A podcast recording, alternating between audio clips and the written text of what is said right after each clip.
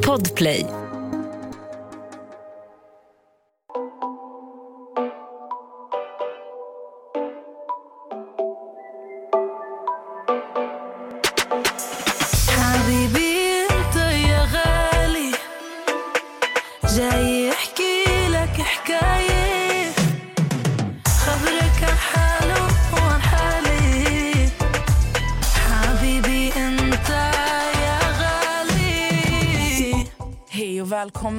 Till ett nytt avsnitt.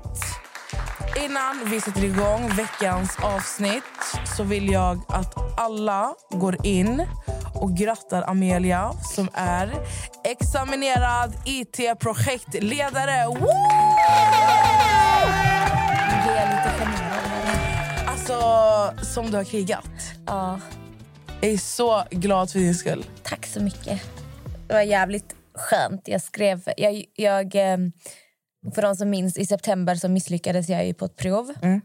Och Jag var jätteledsen. Jag satt här i podden och tröst, tröstade mig själv. Jag gjorde det testet nu, i tisdags. Satt och isolerade mig i tre dagar och bara alltså, pluggade sönder. Jag så igenom varenda inspelad lektion. Jag la ifrån mobilen. Och ja, alla vet, när man bara djupdyker i tre dagar och mår jättedåligt.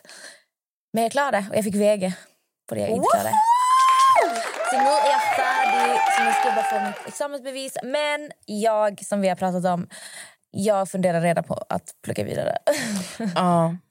Men det där är fett intressant. För att jag vet att när du började den här utbildningen så alltså, du var jättetaggad. Men du var också så här...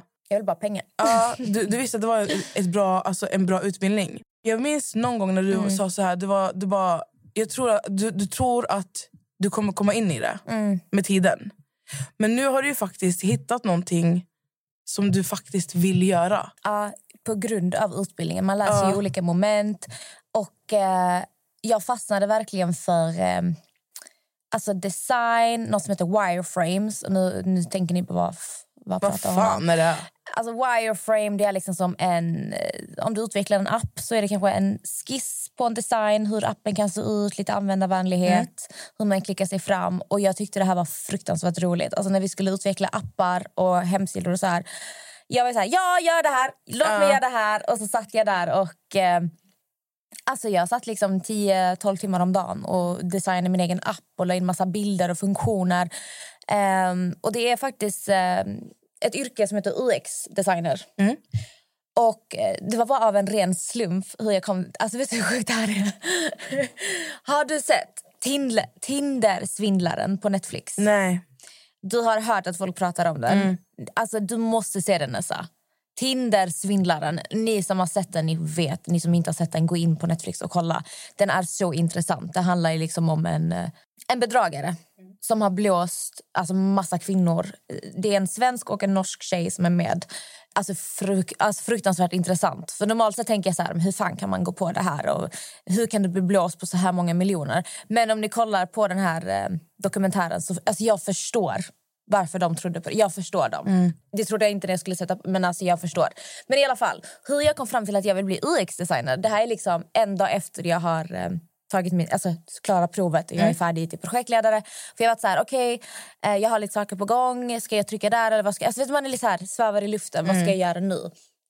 Men en av de här tjejerna som är med i dokumentären, eh, den svenska, eller nej den norska, förlåt. Det står bara så att hon jobbar som typ IT-konsult. Så jag, alltså, I och med att jag själv är liksom IT-världen så blev det så här, jag bara åh IT, mm, undrar vad hon gör typ. Så jag går in på hennes Instagram efter eh, dokumentären och då står det att hon är UX-designer. Så jag bara, UX-designer, jag bara just det, fan, fan det här känner jag igen för att jag har ju läst om det men jag glömmer ju liksom bort begrepp. Och söker fram, jag bara hallå! Jag bara, det här är exakt vad jag tycker är roligt. Det här var ju vad jag älskade med min utbildning. Läser, läser, läser. Jag bara kollar utbildningen direkt. Och jag bara, jag, du vet när man får sån här känsla. Ja. Det här är vad jag vill göra. För jag har alltid varit kreativ. Jag älskar att skapa saker. Jag märker ju hur mycket jag brinner för alltså design och så här, små detaljer. Jag tänker mycket. Jag har läst e-handel och så här också. Och då fick jag bara sånt här kall inom mig. Jag bara, det här, det här är, detta är vad jag ska göra. Så nu... Så fucking kul. Yep. Så Alltså- får vi se vad som händer nu. Men jag vet, alltså nu, det här är vad jag vill jobba med. Mm. Alltså projektledning är jätteroligt men det är inte min passion. Min passion är att skapa, alltså jag vill vara kreativ. Ja. Och det känns som jag kan vara det på ett annat sätt om, om jag väljer att plugga det här. Fett kul. Det ska bli skitkul att följa, fortsätta följa din resa. Jag, bara, jag, jag vill inte stå och plugga, jag är klar men ja, vi får se. Ja. Jag måste faktiskt erkänna att eh, jag har ju sagt att jag aldrig kommer plugga i mitt liv. Och det så jag ju typ, alltså jag kan inte stå fast vid det för man vet aldrig vad som händer i livet. Men jag går ju till Hillsong, det är en kyrka.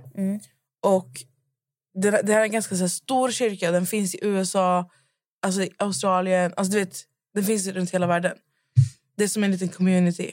Alltså, nu låter det som att det, vore, som att det är en sekt. Det är inte en sekt. utan alltså, De som vet vad Hillsong är, alltså, det, det är en kyrka som bara finns. En stor kyrka. Och ehm, De har en utbildning som är ledarskap. Och Den är ett år. Och Den här utbildningen går ut på... man läser, alltså Det är ett internship. Då läser man ledarskap, man, man läser Bibeln. Och man får gå med så här, pastorn när han predikar. Så den här utbildningen då, då ska jag ansöka till. Fett kul. Ja, jag har Vad aldrig... fick dig att alltså, fastna för det? Alltså, grejen är, det, det, det är det som är så sjuka. Jag var i kyrkan och så kom det... För man kan volontärarbeta i kyrkan. Alltså det är så stort. Så det är många, så här, de som går internship är oftast, alltså, får volontärarbeta under gudstjänster. Och då kom det fram en tjej till mig som heter Elin. Och hon är från Falun. Och så började vi prata typ. Och hon var så här, ah, men jag läser genom Hillsong. lalala." Jag bara, va? Och så förklarade hon vad det var hon pluggade. Typ. Och jag var så här, men alltså, jag vill göra det här. Vad är det du vill jobba med sen efteråt? Alltså jag vill jobba inom kyrkan. Eller så skapa någonting som har liksom med Hillsong att göra. Mm. Så det känns bara som... Det kändes bara rätt. Mm. Och du vet, sen jag pratade med henne, det har inte släppt mig. Alltså jag har inte släppt det. Det går inte. Då ska du absolut göra det. Ja. Men det är i alla fall, men det är först i höst. Men fett kul. Alltså det är första gången jag, jag är så taggad på att alltså börja göra någonting. Men Det- är ändå jättestort. Alltså från att du varit så här, jag ska aldrig plugga, jag ska aldrig något till bara, mm, det kanske finns något jag vill göra. Exakt. Så det, är jag fett tycker det är så nice. viktigt också alltså när man jobbar. Alltså, nu, det första jag gjorde var så här, jag vill tjäna pengar, vad är en bra bransch? IT, skitbra, bra pengar. Men alltså, vi går i pension om 40 plus år. Du vill inte sitta på ett jobb du hatar i 40 plus bara för att du ska ha pengar. Du ska spendera 8-9 timmar om dagen där. Du spenderar mer tid på det. Alltså, du ska hitta någonting du tycker är roligt. Annars kommer vi vara deprimerade resten av våra liv. Exakt. Och det var det jag också kände att ska jag göra något jag tycker är kul. Jag ska inte göra det bara för att jag ska ha pengar. Mm. Så det är skitkul att du hittar någon som man känner sitt så här, man bara, man bara får sån här känsla inom sig. Ja men exakt. Det, alltså det, det har aldrig känts så rätt som det gör nu. Mm. Och det är också för att jag, jag har ju börjat läsa Bibeln mycket mer och blivit, alltså jag praktiserar min tro mer än någonsin just nu. Alltså jag har aldrig varit så här djupdykt i min tro som jag gör nu. Så det är också så här ett plus på kanten att man får att jag kommer liksom få ta del av det jag är intresserad av Mm. och vill lära mig mer av.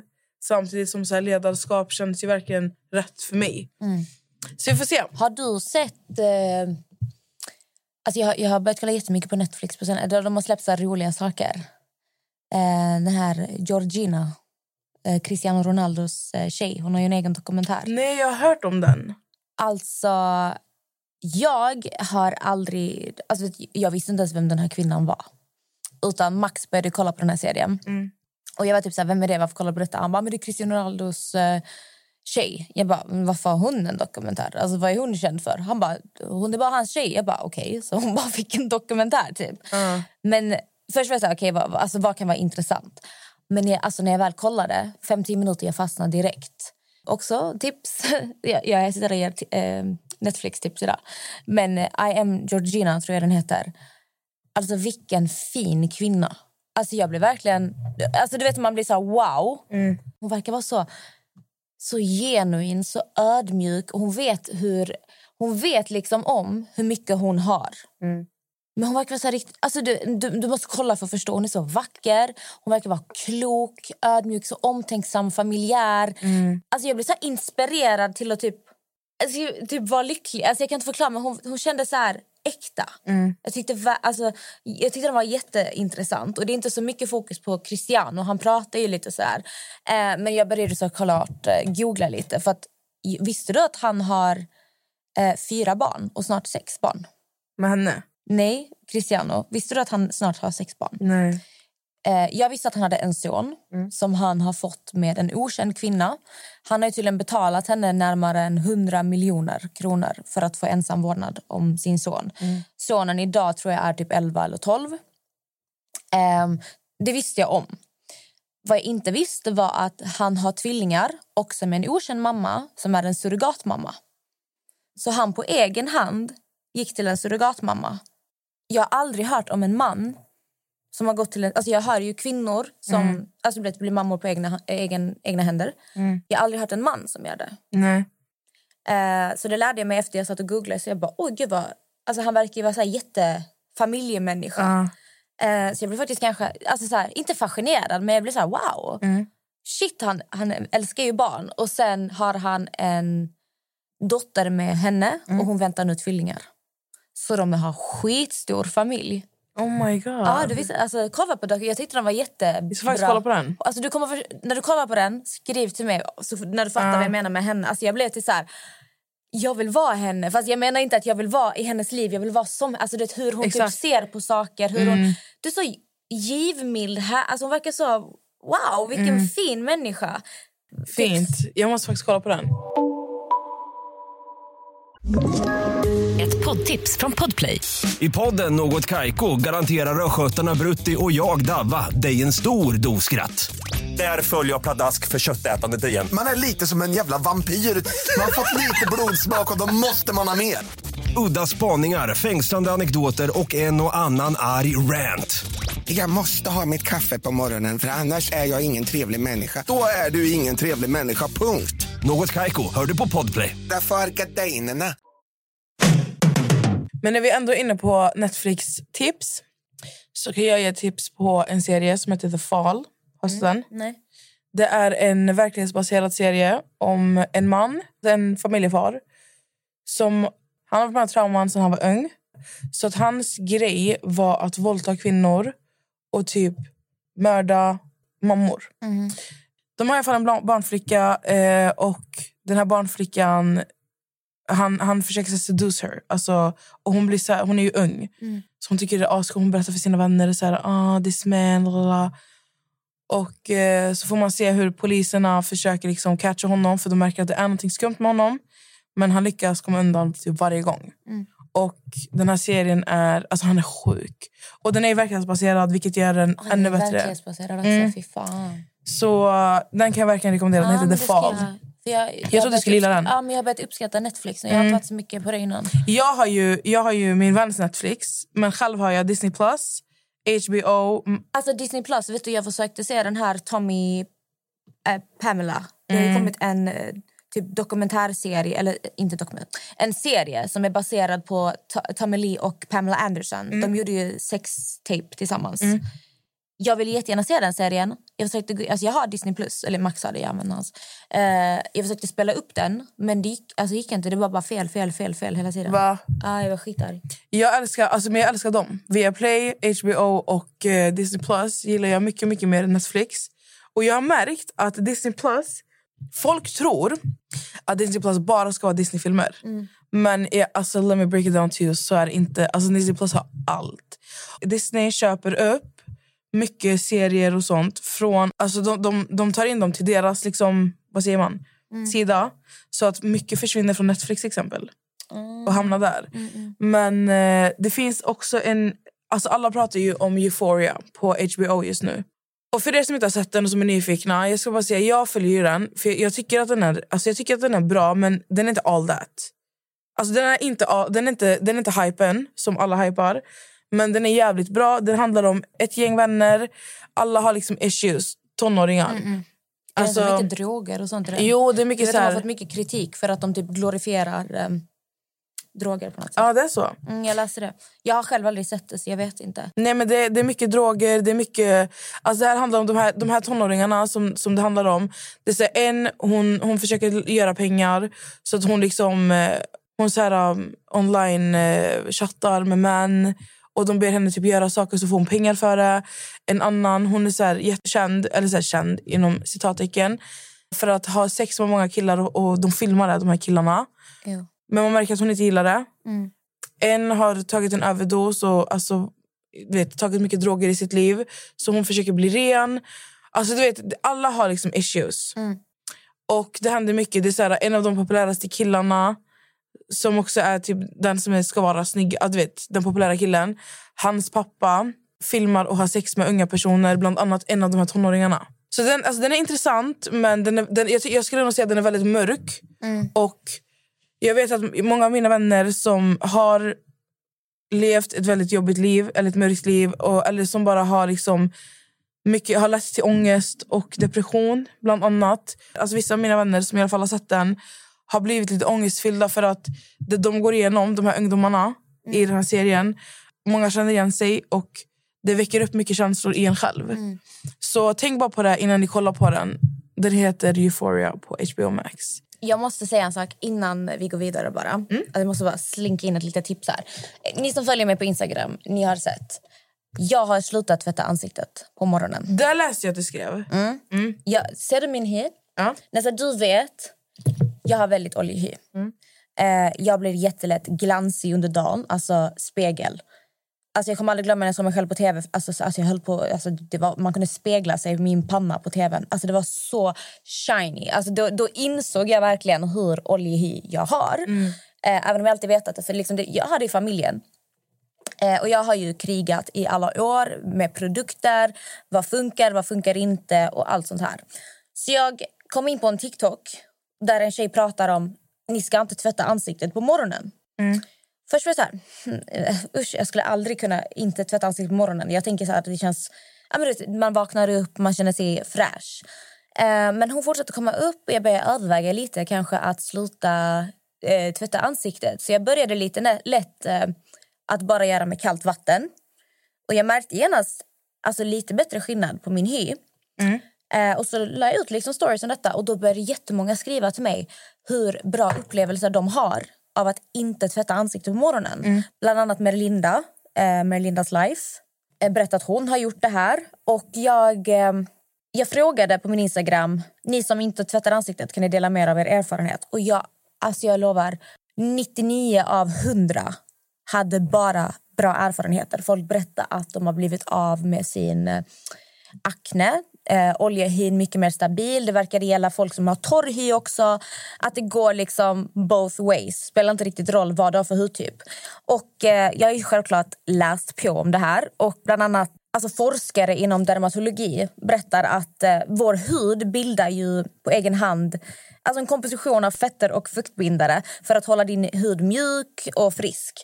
Och Det är ju ingenting som vi ska tvätta bort egentligen. Det bildas på natten. Däremot får man ju tänka att man byter örngott lite oftare kanske. I alla fall två, tre gånger i veckan för att det inte ska samlas bakterier. Och sen på morgonen så undviker du bara att tvätta hyn. Du kan gnugga lite runt ögonen eller ta en pad och liksom dutta för att bli av med sömnen i ögonen. Men eh, jag har testat det här nu i fem dagar. Nu har det bara gått fem dagar så att jag har inte liksom fått 100% resultat. Jag behöver i alla fall testa tre veckor. Men vet du så bra skillnad jag märker? Jag var och fixade mitt hår igår. De gör alltid videos på mig. Jag jämförde min hy, alltså hur shiny den var. Vet du hur stor skillnad det var? Alltså min oljighet i hyn. Hur, alltså, jag säger bara till er, ni som vågar testa, vå, alltså, testa. För man säger ju ofta så har du oljig du ska inte tvätta för mycket för det torkar ut. Som sagt, jag är ingen hudexpert, utan det här är någonting jag håller på att undersöka just nu, i min egna lilla studie. Så jag vill bara dela med mig. Ni som har problem med oljig hy, eller alltså problem överlag, ni som vågar testa. Jag är inne på dag fem, hittills jättefina resultat. Om ni undrar hur sminket sitter, mitt smink sitter alltså jättefint. Det håller jättebra. Det, jag får inte lika mycket överflöd av olja. Som sagt, det har bara gått fem dagar. Jag kan inte ge slutbesked än, men hittills jättepositivt. Jag är inte lika petig typ, med min hud som, som du är. Men jag, alltså, när jag tvättar mitt ansikte så tvättar jag ju på kvällen. Typ i samband med dusch. Ja, eller så här. Du ska ju tvätta på kvällen. Ja. Mm. Det ska du göra. Det enda ni ska undvika är att göra det på morgonen. Men när du säger tvätta ansiktet, vad menar du då? Alltså jag menar, alltså på kvällen, en... eh, Nej, nej, alltså på morgonen. För jag är så här, jag, på det, det enda jag gör på morgonen, jag tvättar bara med vatten. Typ kallt Ja, men vatten för att vakna till. Vatten torkar också ut din hud. Så när jag menar tvätt, jag menar alltså noll, zero, noll tvätt. Men alltså, kan, man behöver ju typ så här, ibland kanske bara skvätta till det med lite vatten. ja, men du tänker få vakna upp, då tar du i ögonen. Ja. Eh, det- Så det jag fick också tipsa om det är att jag tar lite to- alltså toner på en pad och så duttar jag bara lite. Och sen på med mina produkter. Men det, det, det, alltså det jag gör, jag är så här, det jag gör är ju att jag, alltså jag sköljer med vatten bara. Mm. Alltså ansiktet. Och sen lägger jag Nivea. Sen är min hud perfekt. Ja, men du har ju liksom enstegs hudvårdsrutin. De flesta har ju inte det här nästan. Alltså. Alltså vet du, min, min alltså Kikko har, alltså min, min kusin, han har börjat använda Nivea. Mm. Och han, alltså, han har också varit lite så skeptisk mot det, men han har varit så här, alltså va? Till varför har jag aldrig gjort det innan? Mm. Alltså han kan inte vara utan Nivea nu. Jag ska bara alltså, testa. Men, men jag fattar, alltså har man oljig hud, för du, jag vet att du har, du har haft extremt oljig hud. Mm. När man har det, Mm. så jag tror att man är väldigt rädd för att testa Nivea för att den är så fet. Mm. Jag ska bara läsa en sak. faktiskt. Det, detta var med Linda som ut för att det var en följare som skrev till henne. Men det är en följare som pluggar till hudterapeut. Och eh, de läser om fet hy och de berättar också att vatten torkar ur huden. Så att man ska inte ta bort det naturliga som din hud producerar. För att då försvinner den och tror ju din, din hud liksom, Åh, nu är det borta, vi måste producera mer och mer och mer. Man har ju en hög produktion av talg. Ja. Så oftast får du ju tvärtom effekt om du tvättar för mycket. Vi tänker vi måste tvätta för att få bort det här, tvätta, tvätta, tvätta. Men vad din hud gör då, om du har oljig hud, är att den producerar bara mer och mer och mer. Så vi ska egentligen bara försöka hålla oss återfuktade och inte tvätta bort det. Alltså det har ju varit en jävla massa snack om eh, en stor profil här från Sverige som ska ha suttit häktad för våldtäkt. Och ingen, man pratar ju inte om det förrän man vet att domen kommer. Och domen kom igår. Eh, Igår menar vi då det är eh, tors, torsdag. torsdag. Mm. Torsdag den an, eh, 3 februari. Den 3 februari kom domen och eh, han blev dömd för oaktsam våldtäkt. Vi kommer inte gå in så mycket på vad som har hänt där utan ni får helt enkelt söka er fram och läsa er fram. Just, alltså om ni vill djupdyka i just den händelsen. Jag kan ju bara prata för mig och för dig egentligen. Eller för, vi, alltså vi kan bara prata för alltså oss. Det här är en människa som jag har haft en personlig relation till. Eller så här, Alltså jag skulle inte någon säga att vi, vi har varit jättenära men vi har ändå haft liksom en, en personlig kontakt. Och det här är absolut ingenting jag står bakom. Jag står inte bakom någonting. Jag vill inte ha sådana här människor i min omgivning och det här är absolut ingenting. Jag försöker inte mörklägga någonting. Jag försöker inte stå bakom någon eller försöka skydda någon. Men alltså när en sån här händelse sker så måste man vara försiktig med hur man uttrycker sig. Eh, Det är mycket snack på sociala medier, typ att folk, eh, inte så många pratar om detta. Mm. För att det är många som känner personen i fråga och eh, eh, folk pratar mycket om att många kan predika om en sak. Men sen när det är någon i ens närhet så är man bara tyst. Mm. Men liksom det, man, det jag tänker är att det är viktigt att liksom ta ställning. Man kan inte typ stå för en sak och sen ha vänner som gör de här grejerna. Nej, som man annars är emot. Det går liksom inte. Så vad vi gör, vi, vi tar ju avstånd Mm. från den här personen och eh, står bakom offret i fråga. Exakt. Jag och Nessa pratade lite om vad vi ska prata om idag. Och vi, vi sa ju det att vi alla känner en tjej i alla fall, minst. Om det inte är vi själva som har blivit sexuellt utnyttjad, som har blivit våldtagen. Det kan gå till på sätt där man, inte själv, alltså där man skuldbelägger sig själv. För att man tänker så här, men jag kanske, det kanske var mitt fel ändå. Han kanske trodde, eller den trodde det här. Och många blir så här, ah, men varför gjorde du det där då? Om du inte vill ha sex, varför gick du in där? Det blir en väldigt svår sak att prata om. Så vi tänkte vi vill liksom lyfta det här ämnet lite. Om vad en våldtäkt faktiskt är, allmänt. Alltså, vi, vi vill egentligen bara föra vidare, alltså utbilda varandra lite. Mm, och dela med oss lite alltså, av egna erfarenheter. Mm. Eh, för jag vet att det är säkert jättemånga som lyssnar som har råkat ut för någonting. Men faktiskt inte vet om att de har varit med om en våldtäkt. Mm. Jag har många vänner, alltså du vet, tjejkompisar som kan sitta och prata. Tjejer som har pojkvänner som har varit så här, alltså jag, alltså jag har mens. Jag, har inte, jag vill inte ha sex. Men han tjatade. Och din Och- mun blöder inte. Ja men exakt. Alltså han, de har varit så här, alltså han tjatade. Du vet. Och någonting som man inte har pratat så jättemycket om det är att tjatsex, det är våldtäkt. Alltså säger du nej en gång, det ska räcka. Du tjatar ju till dig någonting. Du får en person att göra någonting som de inte vill göra. Exakt. Och det är inte, alltså om du, det är så här, alltså om du är, du är kär i din partner och din partner är så här, "Men snälla, snälla. Och du säger nej, jag vill inte. Alltså även om din partner fortsätter, jag vet, alltså jag har fått höra att många har varit så här, um, att de får känslan av att de vill bara ge, ge deras partner allt. Så det slutar upp med att de gör det till slut, de, de lägger sig platt. Men då har, då har de oftast, oftast sex emot sin vilja. Sen är det såklart... Alltså jag kan förstå att vissa människor... Men, men hur, det kanske inte var tjatsex i det här fallet för att jag blev också upphetsad. Men du är bara en människa. Tjatsex, jag tror att tjatsex är den vanligaste typen av våldtäkt. Jag tror inte... Alltså av det jag har hört och det, alltså det jag har sett så förstår oftast inte personerna som, som är med om tjatsex vad de är med om. Fattar du? Poddtips från Podplay. I podden Något Kaiko garanterar östgötarna Brutti och jag, Davva, dig en stor dos skratt.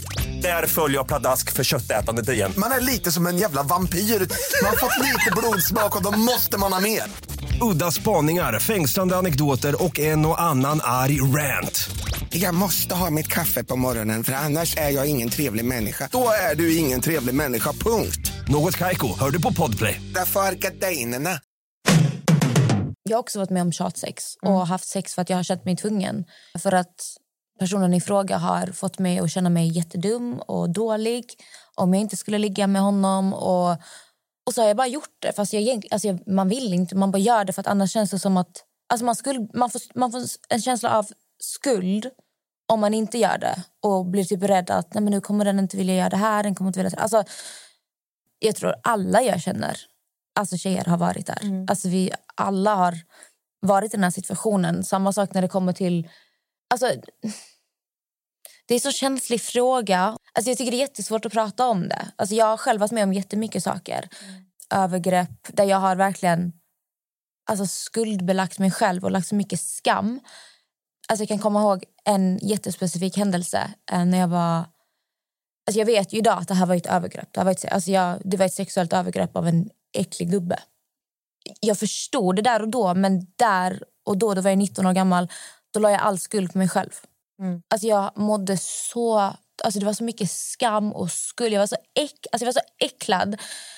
Och jag kan prata om det här idag. Jag kunde inte prata om det på många år. För jag vet att när jag väl alltså när jag försökte prata om det då, då vändes det tillbaka mot mig. Varför gick du in där då? Varför gjorde du det? Varför gjorde, alltså, allting bara vändes mot mig. Det var ju killar då som, som sa det. Eh, och det som hände var att jag var 19 år gammal. Och på den tiden, ja men du vet, man började tycka det var roligt med, alltså man ville bli modell och man ville fotografera. Så Instagram var ganska nytt på den tiden. Eller det var inte nytt men det började bli en grej. Och eh, jag kände en tjej som jobbade lite halvt som modell. Så att hon var ju väldigt van vid att göra modelljobb. Och jag hade en annan tjejkompis som också hade gjort en del modelljobb. Men jag själv hade aldrig gjort det. Jag har liksom inte längden för att få vara modell om man säger så. Men den här tjejen som jobbar på modell blev då erbjuden ett eh, fotomodelljobb. Där man skulle vara naken. För det var typ reklam för ja, så här, någon hudvårdsprodukt. Så att det skulle vara så här. Det skulle framställas på ett fint sätt. Man skulle inte se någonting men man skulle bara se att det var naken hud och bla bla bla. Och hon ville då ta med mig och den, den andra tjejen. Och vi fick betalt och allt sånt här. Och jag tyckte det här var så coolt. Wow, alltså ska jag få betalt för att vara modell? Det är 19 år gammal, jag gick fortfarande i skolan. Att jag skulle få liksom 3000 kronor för ett jobb, det var jättemycket pengar för mig på den tiden. Jättemycket pengar. Det är klart. Så vi satte oss på tåg och vi var jättetaggade. Vi satt där och... Ja, men du vet, man blev så här, oh my god vad coolt. Och, lalala. och när vi väl kom dit, då var det typ så här... Det var bara i någon studio eh, och det var en kvinna där. Eh, det var en fotograf, en kvinna och sen var det en annan man som var typ hennes högra hand om man ska säga. Den här mannen var väl alltså i alla fall i 50-årsåldern skulle jag säga. Och eh, han var jättetrevlig så här och jag vet inte riktigt vad han gjorde där egentligen. Men vi skulle då ta på oss den här kroppsoljan som vi skulle göra reklam för. Och han insisterade på att det var han som skulle ta på den på oss. Alltså vi var då tre tjejer. Två av oss var 19 och en var typ 21. Så han skulle då smörja in det på oss för att det skulle vara perfekt. Och redan där var man ändå så här, okej okay, det här är lite skumt men mm. ja, skitsamma. Eh, av oss tre tjejer så var jag ju den enda som inte hade gjort ett modelljobb innan. De andra tjejerna pratar ja men vi är erfarna från det här och jag där och där, där. Då säger den här mannen till mig, alltså det var precis innan vi skulle börja fotografera. Han bara, ah, men har man aldrig gjort en eh, nakenplåtning så, så måste man gå igenom ett test. Han bara, det här är jättevanligt med alla agenturer typ. Så jag bara, okej. Okay. Han säger till mig, du måste följa med mig in på toaletten och visa dig naken. Ja, för att jag, han bara, vi måste se att du är bekväm med att vara naken framför kameran och att du kan slappna av. Och jag minns, alltså, du vet, vi helt, alltså, de, mina tjejkompisar kollade på mig de bara, va? Jag bara, nej men det tänker jag inte göra. Alltså jag satt där och bara, va? Jag ska in på toaletten själv med honom. Alltså det var så här, alltså, tänk att det var liksom en studio, det var vanligt, trappa mm. upp och det var toalett. Så han säger till mig, han bara, ja. Ehm, jag bara, men det tänker jag inte. Alltså jag skrattar nästan, jag blir så här, vad, vad snackar han om? Mm. Han bara, ja men då kommer inte du kunna delta på den här fotograferingen. Så jag bara, va? Där har vi suttit och hypat hela dagen, vi har gått upp tidigt, vi har suttit på tåg i fyra timmar för att komma till den här staden och var jätte så här, wow, jag ska få modella, mm. det var så coolt.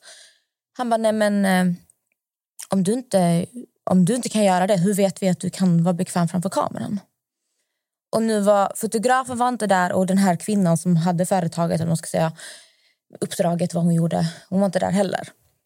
Så att jag blev helt så här, oh, Gud, ska, inte, ska inte jag få göra det här nu? Det här vi har längtat efter och pratat om i flera veckor. Jag ska göra det här, det här. Jag kände en press mm. att jag måste gå in här inne med honom för att annars får inte göra den här fotograferingen. Och han sa att det här var jättevanligt inom all, alla agenturer gör så här för att se till att modellerna kan leverera och bla bla bla. Så jag minns att jag går in, alltså jag går in i toaletten med honom. Jag har på mig morgonrock som vi hade fått. Och jag började skaka. Alltså, han bara står och tittar på mig. Alltså, det var så äckligt. Jag var liksom så 50 plus. Och, alltså, jag bara började gråta. Och han bara, så ta av dig. Och jag, alltså, jag bara står helt alltså, frusen. Och tårarna bara rinner. Jag bara, alltså, du vet, det bara så, alltså, min kropp bara stelnar. Jag bara, jag kan inte göra det här. För jag kände bara att det var så fel. Och gud, jag hör min röst bara sig mm. jag pratar om det. Nej, men så jag minns, jag tar av mig det här. Eh, och för jag kände mig så tvingad. Mm. Och jag var så rädd att inte få fullfölja det vi hade längtat efter. Och när jag tar av mig så börjar han ta på mina bröst. Och jag bara fortsatte gråta. Han sa till mig att snurra runt. Alltså jag var helt naken. Mm. Så jag gjorde det. Och jag var så rädd att han skulle göra något mer. Mm. Men han gjorde inte det. Utan han bara, så, det var inte så farligt, sa han. Och jag tog på mig morgonrocken. Och jag, han gick ut, jag låste och jag satt och samlade mig själv. Jag hade ju gråtit jättemycket. Så vet jag bara att när jag kom ut därifrån så alltså, kollade min tjejkompis på mig och hon bara såg att det var något. Alltså hon bara såg min blick. Mm. Men sen gjorde vi fotograferingen. Och sen var det inte mer med det, men när jag kom hem Alltså den här ångesten. Mm. Alltså, det var så, alltså det var en äcklig känsla. Det kändes som alltså, någon hade liksom... Ja. Och jag minns att jag mådde så dåligt flera dagar. Och till slut så vågade jag berätta för min mamma vad som hade hänt. Och hon blev ju galen. Mm. hon ville ha liksom, vad heter han? Och jag visste vad han hette. Så vi började söka upp den här mannen. Och vi kontaktade ju... Alltså hon tjejen som hade liksom styrt upp företaget. Och Jag berättade för henne vad som hade hänt. Och Hon, hon liksom bara avfärdade mig helt. Och bara, mm. Jag har känt honom i så här många år. Han har ett så bra arbete. Han har jobbat med det här och det här. Och det här. Alltså hon la all skuld på mig. typ. Mm. Men vi googlade runt och eh, då hittade jag... Alltså jag minns inte om det var Flashback eller vad det var. Men jag hittade forum där Alltså tjejer berättar att de har varit med om exakt samma sak. Mm. De ska göra fotograferingar, den här mannen är där. Eh, jag vet inte vad han gör. Jag vet inte vad han gör i branschen men han var där och... Um, ja, men typ, samma sak, typ så här, han hade insisterat att han skulle göra vissa saker och bla bla bla. bla. Um, men så jag minns, alltså, när det här hände... Jag la så mycket skuld hos mig själv. Alltså, jag mm. skämdes så mycket. Alltså, jag var så äcklad över allting. Och... Um, alltså, det tog flera dagar tills jag vågade berätta för min mamma. Och Jag träffade en kille på den här tiden. Mm. Jag har pratat om hon, den här killen innan, jag ska inte gå in på det igen. Men han var, jätte, alltså han var jättesnäll den här killen.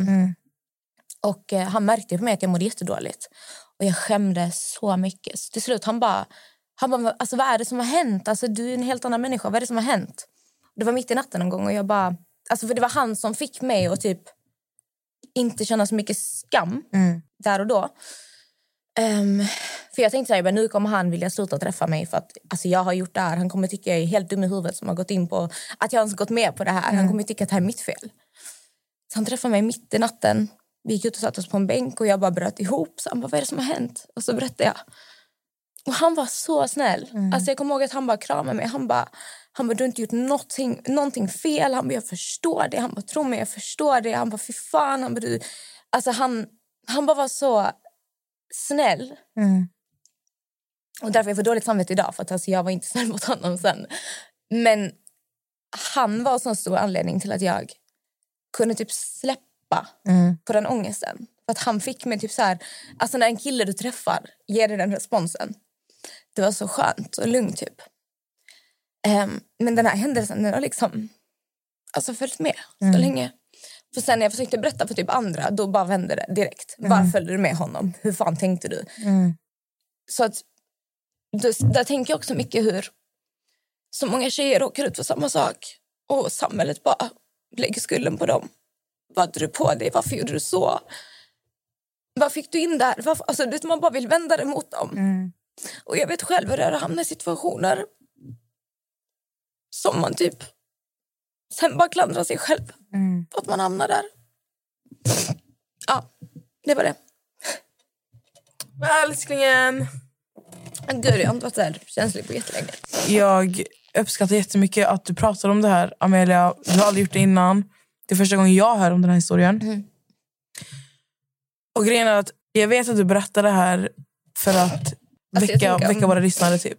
Men jag vill liksom om någon annan har varit med om liknande sak. Alltså, ni är inte ensamma och det är inte ert fel. Exakt. För det här är inte någon... Alltså, jag förstår att man inte vill, vill prata om vissa saker för att grejen är så här... äh, Vårt samhälle är uppbyggt på ett, ett sätt och det är så här... Man är så dömande mot kvinnor som hamnar i såna här situationer med män. Varför, varför hade du på dig så här? Vi kan ju bara ta till exempel det som hände på Paradise Hotel Ja. med Annie och eh, Jennifer. Många var ju så här... Nej, Jennifer, hennes situation. De var så här, men du satt på, varför satt hon på honom? Hon satt på honom med bara bh. Lala. Det var, alltså, man la skulden på henne direkt. Mm. Och det är så skevt hur, hur människan fungerar på det sättet. Att man, inte, alltså man, man, alltså att man inte får en större bild av situationen och faktiskt inser. I det här fallet Amelia, det var inte dig det var fel på. Du gjorde ingenting som var... Alltså, du följde ditt hjärta. Du ville göra någonting som... Du visste inte vad du skulle få ut av det här. Fattar du? Du kanske hade... Du vet, man är 19 också. Man är sån identitetssökare. Man vill göra, man vill göra skapa saker och ting. Man vill hitta sig själv. Vem, jag tror att många 19-åringar som hade fått en sån här chans som du hade gjort det. Men det den här mannen gjorde, det var absolut inte rätt. För jag vet, alltså, I mitt huvud det var så här, han säger att det här är fullt normalt och det här brukar man göra. Så du tror ju på det, så, man är så ung och naiv. Ja, Men det var som min kropp visst, alltså min kropp skrek ju. Mm. Det, det var ju därför jag bara alltså jag frös till is och jag, grä, alltså jag bara började gråta så fort Mm. jag gick in där inne. För att jag, alltså min, jag visste ju ändå det här är inte okej, det här är inte Mm. rätt. Men jag var så rädd att förlora chansen för att han, vad han gjorde, han utförde ju en slags alltså maktspel. Mm. Han använde sin position för att få mig att göra någonting jag inte ville. Och det här, har man, alltså det här är ju jättevanligt, tyvärr. och han i- manipulerar ju dig. att Det är ju samband med manipulation. Mm. Där han är så här, ah, men det här är jättenormalt. Alla gör det här. Alla ska göra det här. Det är jag som ska hålla in er. Ett poddtips från Podplay. I podden Något Kaiko garanterar östgötarna Brutti och jag, Davva, dig en stor dos skratt. Där följer jag pladask för köttätandet igen. Man är lite som en jävla vampyr. Man har fått lite blodsmak och då måste man ha mer. Udda spaningar, fängslande anekdoter och en och annan arg rant. Jag måste ha mitt kaffe på morgonen för annars är jag ingen trevlig människa. Då är du ingen trevlig människa, punkt. Något Kaiko, hör du på Podplay. Därför är gardinerna. Och då är inte, ah, jag visste att du inte var rädd. Jag visste att du inte Mm. kunde. Alltså, han bara tryckte på det. Och jag vet att tyvärr det här är jättevanligt inom modebranschen och musikbranschen. Ehm, jag vet inte, Lady Gaga har själv pratat ut om saker hon tvingades göra. Och hon bröt ihop helt när hon pratade om det. Och det, när hon, pratade- alltså, jag fick så ont i hjärtat för jag, började, alltså, jag känner det här. Och jag vet hur många andra tjejer, alltså bara som lyssnar på det här. Jag vet hur många som har varit i liknande situationer. För det här är, alltså, det är så hemskt, det är så vanligt. Och skulden som du pratar om som man lägger på kvinnan och ska sitta där och ifrågasätta. Men vi är bara människor. Och det är det här man pratar om att bara för att du ligger där naken med någon, det betyder, alltså, om du inte vill, du, du vill inte. Ingen ska göra någonting emot din vilja. Så jag tycker det är viktigt att prata om Det är extremt viktigt att prata om. att man ska man får aldrig alltså det här lägga skulden på alltså vet du, jag blir så äcklad alltså det, och oftast är det killar jag hör prata så här. Det är väldigt ofta killar. Men hon gjorde så, hon gjorde det här. Varför gjorde hon så? Varför har hon på sig? Har du på det där, då vill du. Alltså, det är bara min uppfattning. Sen finns det ju tjejer som tyvärr också är, tänker på det här sättet. Men generellt sett, jag hör mest killar prata på detta sättet. Och därför är det viktigt alltså, att upplysa våldtäkt. Det är viktigt att prata om. Och grejen är, jag förstår att man inte vill prata med vem som helst om vissa saker för att man vet om att det finns en risk att det kommer falla tillbaka på dig. Men det finns rätt hjälp att få. Det finns rätt människor att prata med som kommer att lyssna på dig. Och Vi kommer läsa lite punkter från ungdomsmottagningens hemsida som handlar om övergrepp och våldtäkt. Vi vill göra det här för att lyfta det här, för att ni ska veta om vad ni har för rättigheter. För att det pratas inte tillräckligt om det. Det gör, alltså det gör inte det. Sen, alltså, man ska inte gå runt och bära på det här själv. Alltså, för Exakt. det äter upp en inifrån. Och det är Eh. aldrig någonsin ditt fel. Alltså det är så, och jag vet att det låter jätteklyschigt för att det, det är det man får höra. Det är inte ditt fel. Men det är bokstavligen inte. Alltså ni måste förstå att ni som har varit med om såna här traumatiska händelser, det är inte ditt fel. Det var som Amelia sa, du skulle kunna ligga naken bredvid alltså, tio grabbar i en säng. Ingen ska röra dig. Ingen har rätt att röra dig. Det är aldrig ditt fel. Här står det så här. Ingen får göra något sexuellt med dig om du inte vill. Punkterna säger det spelar ingen roll om du känner personen eller inte. Det spelar ingen roll om du är kär i personen. Det spelar ingen roll om du är tillsammans med personen. Det spelar ingen roll hur du ser ut eller hur du klär dig. Det spelar ingen roll om du, om du inte säger nej. Ingen ska ha sex med dig om du inte säger eller visar att du vill ha det. Det spelar ingen roll om du först har sagt ja. Du har alltid rätt att ändra dig och säga nej. Och Det är också så viktigt att man bär med sig det här. Och Sen står det så här. Det är vanligt att inte skrika eller slåss om du blir utsatt. Det kan bero på att du inte vågar. Eller att du ger upp och inte vill tänka på det som händer. Ofta väljer du inte medvetet utan hjärnan bestämmer att du ska vara stilla som ett slags skydd mot det som händer. Det är alltid olagligt om det sker mot din vilja även om du inte skriker eller kämpar emot. På ungdomsmottagningen kan man även läsa om vad ett sexualbrott faktiskt är. Att ta på någons kropp med händerna, munnen eller könet på ett sätt som personen inte vill. Att prata med någon på ett sexuellt sätt som personen upplever som obehagligt. Att tvinga någon till sex, till exempel samlag eller få någon att onanera åt en. Att försöka övertala någon att ställa upp på något sexuellt, till exempel genom att hota och sprida bilder eller rykten om personen. Att övertala någon att se på när man själv eller någon annan gör något sexuellt. Som att visa sitt kön eller onanera. Det kan vara på nätet eller utanför nätet. Att göra något sexuellt mot någon som inte kan uttrycka sin vilja eller skydda sig. Till exempel att personen sover eller är full, drogpåverkad, sjuk, har en funktionsnedsättning som gör det svårare att kunna skydda sig. Att fota eller filma någon i ett sexuellt syfte om det är emot personens vilja. Och det här har vi pratat om mycket i podden. Hämndporr, sprida nakenbilder. Att försöka köpa eller byta till sig sex eller sexuella bilder mot till exempel pengar, alkohol, presenter eller tjänster. Att utnyttja att någon är beroende av en för att ha sex, till exempel om är personens lärare, tränare eller chef. Då kommer vi på det här maktpositioner igen. Ingen får göra något sexuellt med dig om du är under 15 år. Det är olagligt även om du själv vill eller har tagit initiativ. Det här var ju några viktiga punkter som, är, nämna, som är värt att eh, säga högt. Jag tycker, vad är våldtäkt och är det våldtäkt om ni är ihop? Den är extremt viktig tycker jag. Är det våldtäkt om ni är ihop? Det kan vara svårt att tänka att du har blivit våldtagen om det är någon du är ihop med eller kär i. Men det kan vara ett sexualbrott även om det är den du är, som, är som du är tillsammans med som tvingar dig till sex. Då kan det vara extra jobbigt att berätta om det men du har alltid rätt att få stöd och hjälp och det är aldrig ditt fel. Alla sexualbrott är kränkande. Därför är det vanligt att må dåligt efter man blivit utsatt för ett övergrepp. Men det finns hjälp att få. Och det här tycker jag är väldigt viktigt att eh, prata om för att en våldtäkt kan vara någon du älskar, någon som älskar dig. eh, Vilket gör det ännu svårare att förstå att det här inte är okej. Vi hade ju till exempel, om det var ett år sedan, en väldigt stor eh, podd pratade ju faktiskt om att även om du inte vill ha sex så, så ska du ställa upp för din partner. Kommer du ihåg det här? De sa det här i podden. Och nej, bara för att du är tillsammans, du ska aldrig vara tvingad till att ha sex. För jag tror många som är i ett förhållande känner så här, nej men jag måste tillfredsställa min partner, den kanske gör slut med mig om jag inte gör det här. Det, det är mitt, alltså, nej. Om du inte känner för sex, om du inte vill ha sex, du ska aldrig behöva ställa upp för det. Och det är inte bara sex. Det behöver inte handla om att bananen ska in i alltså musen. Som, som alla punkter vi nämner, det kan vara Exakt. allt möjligt. Det kan vara allt möjligt. Det, det räcker med att de tar på dig.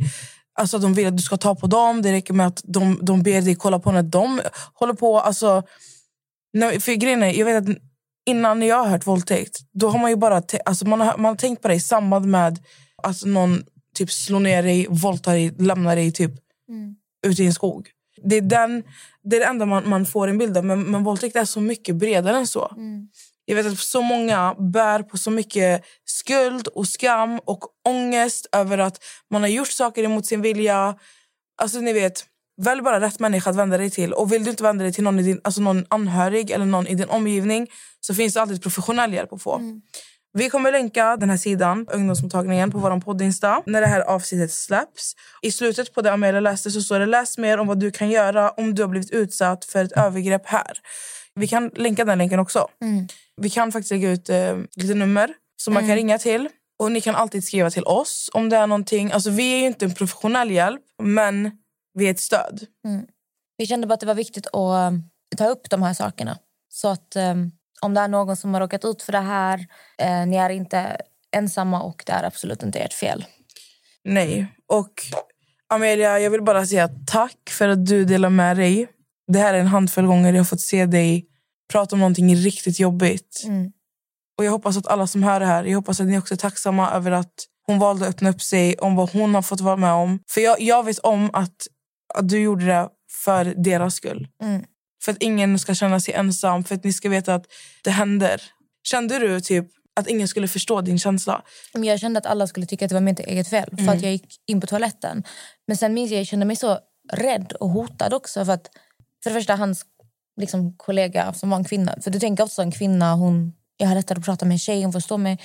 Hon förstår mig inte alls. Nej. Hon bara typ dumförklarade mig. Och typ, han gör sitt jobb, han har inte gjort någonting fel. Det här är jättevanligt. Det gör att jag blev ännu mer rädd. Och sen blev jag jätterädd för att alltså, nu händer ingenting med de här bilderna. Nej. Alltså, det är ingenting jag, jag vet bara att vi fick betalt. Men jag var så där liksom, det var inte nakenfotografering. Alltså jag var så där liksom, satt han på bild. Alltså jag kände mig hotad av honom. Jag blev rädd för att han... För jag minns om att till och med min mamma ringde och pratade med honom efter det här. Jag, alltså, han var så bra på att prata. Den här, alltså, det var så, alltså hela känslan var så äcklig. Jag vet att min mamma ville att jag skulle polisanmäla men jag gjorde aldrig det för jag var så rädd. Det var det jag skulle fråga. Polisanmäl, du polisanmälde inte för du var rädd? Jag var jätterädd vad han skulle kunna göra med bilderna och vad han... Alltså vissa människor är bara bra på att prata och manipulera. Han var en sån, han var jättebra på att prata. Och, eh, alltså, jag, jag vet bara att jag kände mig jätterädd och hotad och därför jag gjorde jag aldrig någonting. Jag tror att många känner samma som du. Alltså man känner rädsla, man känner skam, man känner skuld. Man är rädd för vad folk ska säga. Jag tänkte bara fråga Amelia, om du får gå tillbaka i tiden med den erfarenheten du sitter på idag. Hade du polisanmält honom? Ja.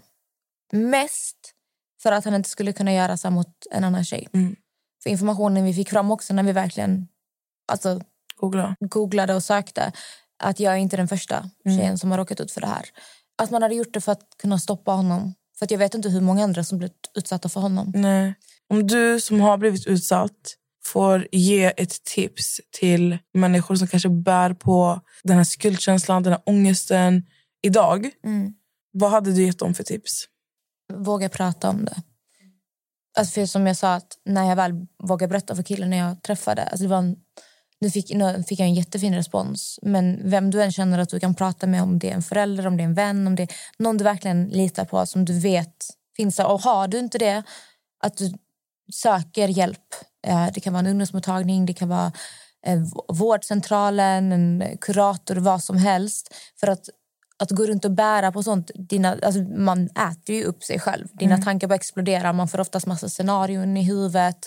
Eh, men det är jätteviktigt att man vågar prata om det med någon. Och sen därifrån kanske pratar om en polisanmälan. Ja, för När det, alltså, får- det är aldrig okej. Och människor, alltså, människor ska inte få komma undan med sånt. Nej. Du ska inte få, man får inte göra så mot någon annan människa. Men det, det är det jag känner, för att när det kommer till polisanmälningar, när det kommer till sånt här så känns det så tabubelagt. Inte, alltså inte att man är såhär, "Nej, jag ska, jag ska inte göra det utan att man är så rädd för att det ska komma ut, vad ska omvärlden säga? Och jag tror att många också är rädda för förövaren. Alltså att, tänk om det inte händer någonting. För det, det, det har man ju hört mycket att många har varit såhär, men jag vågar inte polisanmäla för att om inte någonting händer då kan han sen, alltså han kan ju, alltså att man är rädd för att Det vänds och blir förtal. och Det, Exakt. blir, alltså det, är, det är jättehemskt hur allting ser ut. Men du hade sagt våga prata om det. Ja, Mm. till någon man känner att det, det går för att alltså man kan, det äter upp en inifrån. När tjejer anmäler så här, det är ofta, alltså, det kan vara pojkar, kvinnor, Mm. vad som helst. Eh, det är inte roligt att gå igenom. Alltså en polisanmälan och anmäla eh, ett övergrepp, våldtäkt, det är en fruktansvärd process. För det, det här snacket med att men folk anmäler för minsta lilla. Folk, alltså det är ingen som vill gå igenom det här. Nej. Du öppnar dig själv. Och, och spe- liksom pratar man om kända personer. Nu, du vet ju om du går emot en, en människa som sitter på makt. Mm. Det måste vara jättehemskt. Och, Mm. Läskigt. ja. Men eh, Men det är dags att avrunda här. ja, innan vi säger adjö så vill jag bara säga en sista gång. Jag och Amelia är inte professionella inom... Liksom, vi är inte psykologer, vi är inte kuratorer eller någonting. Men jag vet att vi absolut kan finnas där som stöd. Vi, kan, vi lyssnar på vad ni har att säga. Och behöver ni bara stöd till att ta första steget att kanske prata med någon med ungdomsmottagningen, med vårdcentralen eller med någon anhörig så finns vi där. Mm.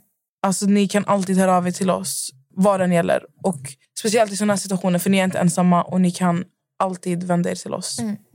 Och eh, vi vill tacka Kay, Kay, Kay Solutions. Kay Solutions för att vi har fått spendera vår fredagkväll här i studion. Mm. Nu ska jag eh, hem och ha lite fredagsmys med Jamie. Jag jag har massa kakor. Jag har två hundar hemma hos mig, Alfons och Louis. Jag ska hem och mysa med dem. Jag ska på dejt med Frank och Doris. Oh my god, vad mys. Ja. Ja, de måste gå på dejt. ja, ja, ja. Alltså, det där. Allihopa, nu innan vi drar ut på tiden för mycket, vi önskar er en underbar start på den här veckan. 100%. Det ska vara sol i Stockholm den här veckan. Fan vad trevligt. Nu är snön borta, men vi hoppas den inte kommer tillbaka. Puss och kram! Puss och kram. حبيبي انت يا غالي جاي احكي لك حكاية عن حالهم وعن حالي حبيبي أنت يا غالي.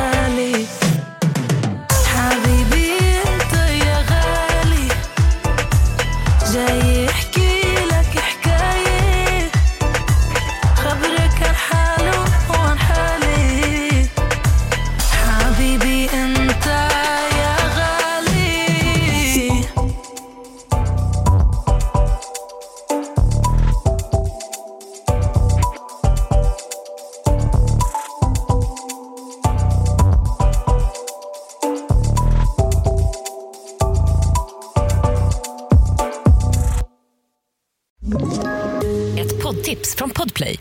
I podden Något Kaiko garanterar östgötarna Brutti och jag, Davva, dig en stor dos skratt. Där följer jag pladask för köttätandet igen. Man är lite som en jävla vampyr. Man har fått lite blodsmak och då måste man ha mer. Udda spaningar, fängslande anekdoter och en och annan arg rant. Jag måste ha mitt kaffe på morgonen för annars är jag ingen trevlig människa. Då är du ingen trevlig människa, punkt. Något Kaiko, hör du på Podplay. Därför är gardinerna.